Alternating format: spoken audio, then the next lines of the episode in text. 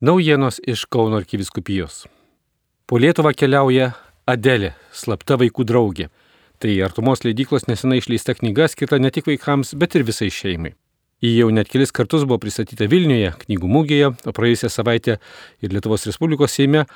Šiomis dienomis vyksta susitikimai Vilniaus Jėzuitų gimnazijoje, Lojotekoje.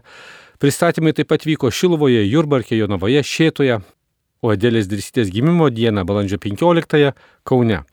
Apie knygos kūrimo procesą dalyjosi autoris, tekstus rašiusi sesuo Danguolė Gervytė bei dailininkė Juratė Tamošiūnaitė Karašauskinė.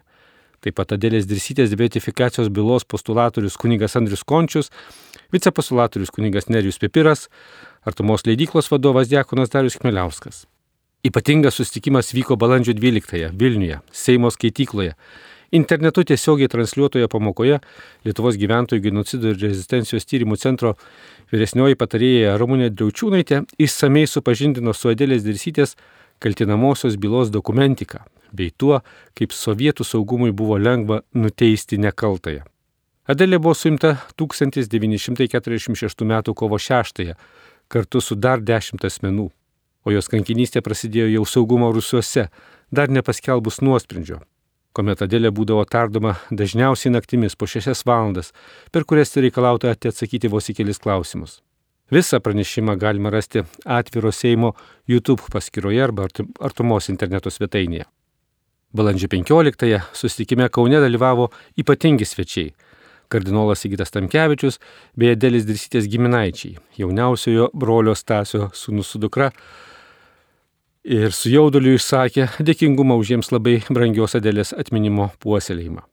Kardinolas Sigitas Timkevičius, kurio vadovavimo laiku 2000-aisiais krikščionybės jubiliejus metais buvo pradėtas šių dviejų moterų paskelbimo palaimintomis procesas, kalbėjo, mes Kauno arkiviskupijoje esame palaiminti, kad čia gyveno tokios moteris kaip Elena Spirgevičiūtė ar Adelė Dirsytė Jų kankinystės šventumo garsas jau buvo pasklydęs ne tik mūsų arkiviskupijoje, bet ir Lietuvoje, bet toli už jos ribų.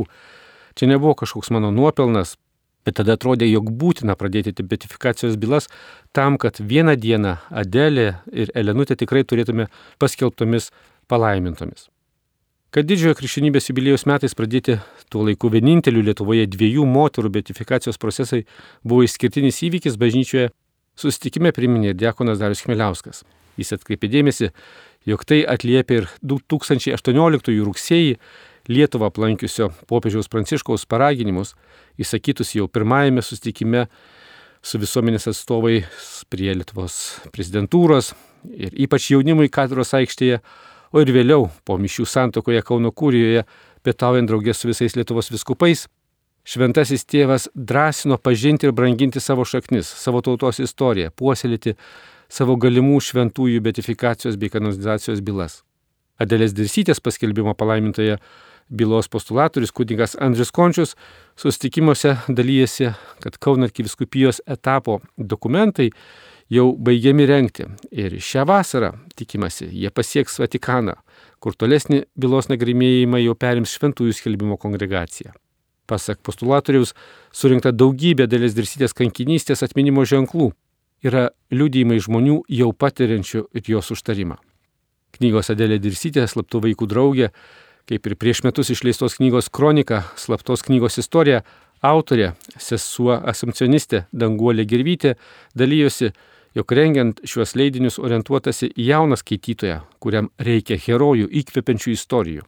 Buvo keliauta trimties keliais ir kartu su kardinolu Sigitu Tamkevičium, taip pat ir leistas į trijų savaičių piligrimystę su jaunimu Sibirė, Varkutoje, aplankant ir Čiumą, kur iš pradžių kalėjo ir Adėlė Dirsytė. Pasak sesers Danguolės, sovietiniai lageriai Rusijoje nunyko, tose vietose jau sunku rasti čia padarytų nusikaltimų įkalčių. O rengiant šias knygas remtasi visa gausia prieinama medžiaga - maldynais, fotografijomis, kita dokumentika. O pasak knygos dailininkės Juratės Tamašiūnaitės Karašauskinės, siekiant autentikos apkeliautos vietos ir Lietuvoje, nuo pat Adėlės Dirsytės gimtinės netoli Kedainių iki Vilniaus. Šias vietas šietos apylinkėse, Kedainiuose, Kaune, sostinėje, kur jį užaugė, mokėsi, studijavo ir dirbo ir šiandien galima aplankyti.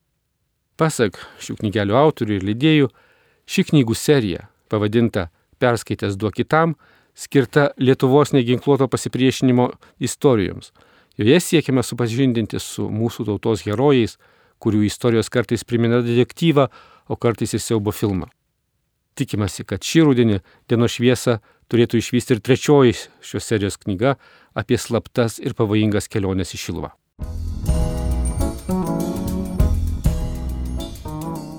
Balandžio 18-ąją kardinolas Įgytas Tamkevičius minėjo savo kunigystės šventimų 61-asias metinės ir tą progą dėkojo Dievui per šventasias mišes sukūręs bendradarbiais.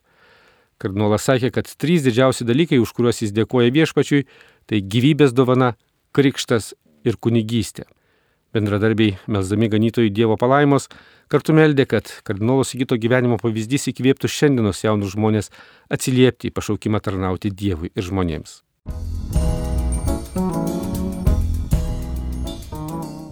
Balandžio 19-ąją, trečiadienį Kauno arkikatoroje bazilikoje melstasi šeimų ir šeimos sielovadininkų, bendradarbių, savanorių intencijomis. Euharistijos liturgijoje arkivyskupas Kestutis Kievalas kvietė melsis taip pat ir už didžią mūsų tėvynės šeimą, kad kiekvieno širdis būtų atvira amžinybės tikroviai, kurią viešpats paskelbė savo prisikėlimu. Nuoširdžiai dėkoju, brangieji, kurie padedate šeimoms, tegul būna jos pilnos Dievo artumo, paguodos, jo meilės patirties, sakė arkivyskupas Kestutis.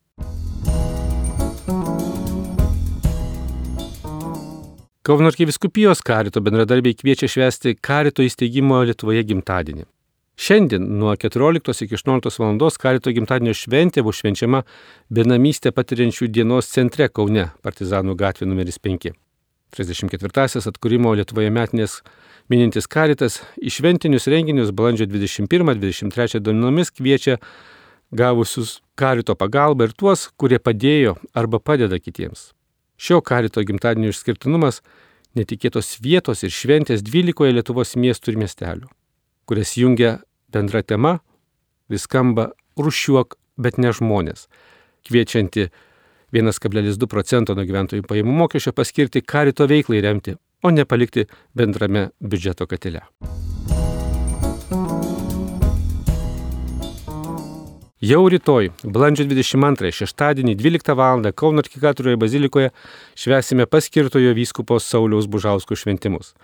Numatoma tiesioginė LRT televizijos ir Marijos radio transliacija, Kunigas Saulių Bažauską, dabartinį Marijos radio programų direktorių, šių metų vasario 27 dieną popiežius Pranciškus paskyrė Kauno arkiviskupijos auxiliarų ir suteikė jam Kastelio de Teatro Porto vyskupo titulą.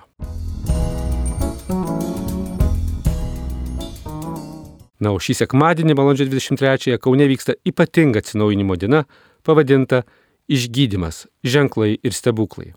Šio renginio svečias ypatingas - Damienas Teinas, pasaulietis evangelizuotojas iš Junktinės karalystės, katalikiškos charizminės ir kontemplatyvios bendruomenės Kor et Lumen Christi, Kristaus širdis ir šviesa įkūrėjas.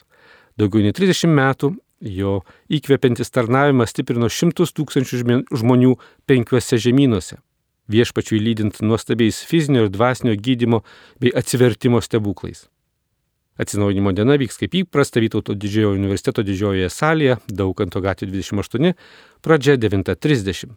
Organizuoja katalikų bendruomenė gyvėjai akmenys, įėjimas laisvas. O renginio metu bus galima įsigyti ką tik išleistą svečio parašytą knygą pavadintą Atnaujink stebuklingą veikimą. Šios ir kitos naujienos išsameu Kauno arkiviskupijos interneto svetainėje bei socialinio tinklo Facebook paskyroje. Marijos radijų iš Kauno Darius Chmeliauskas.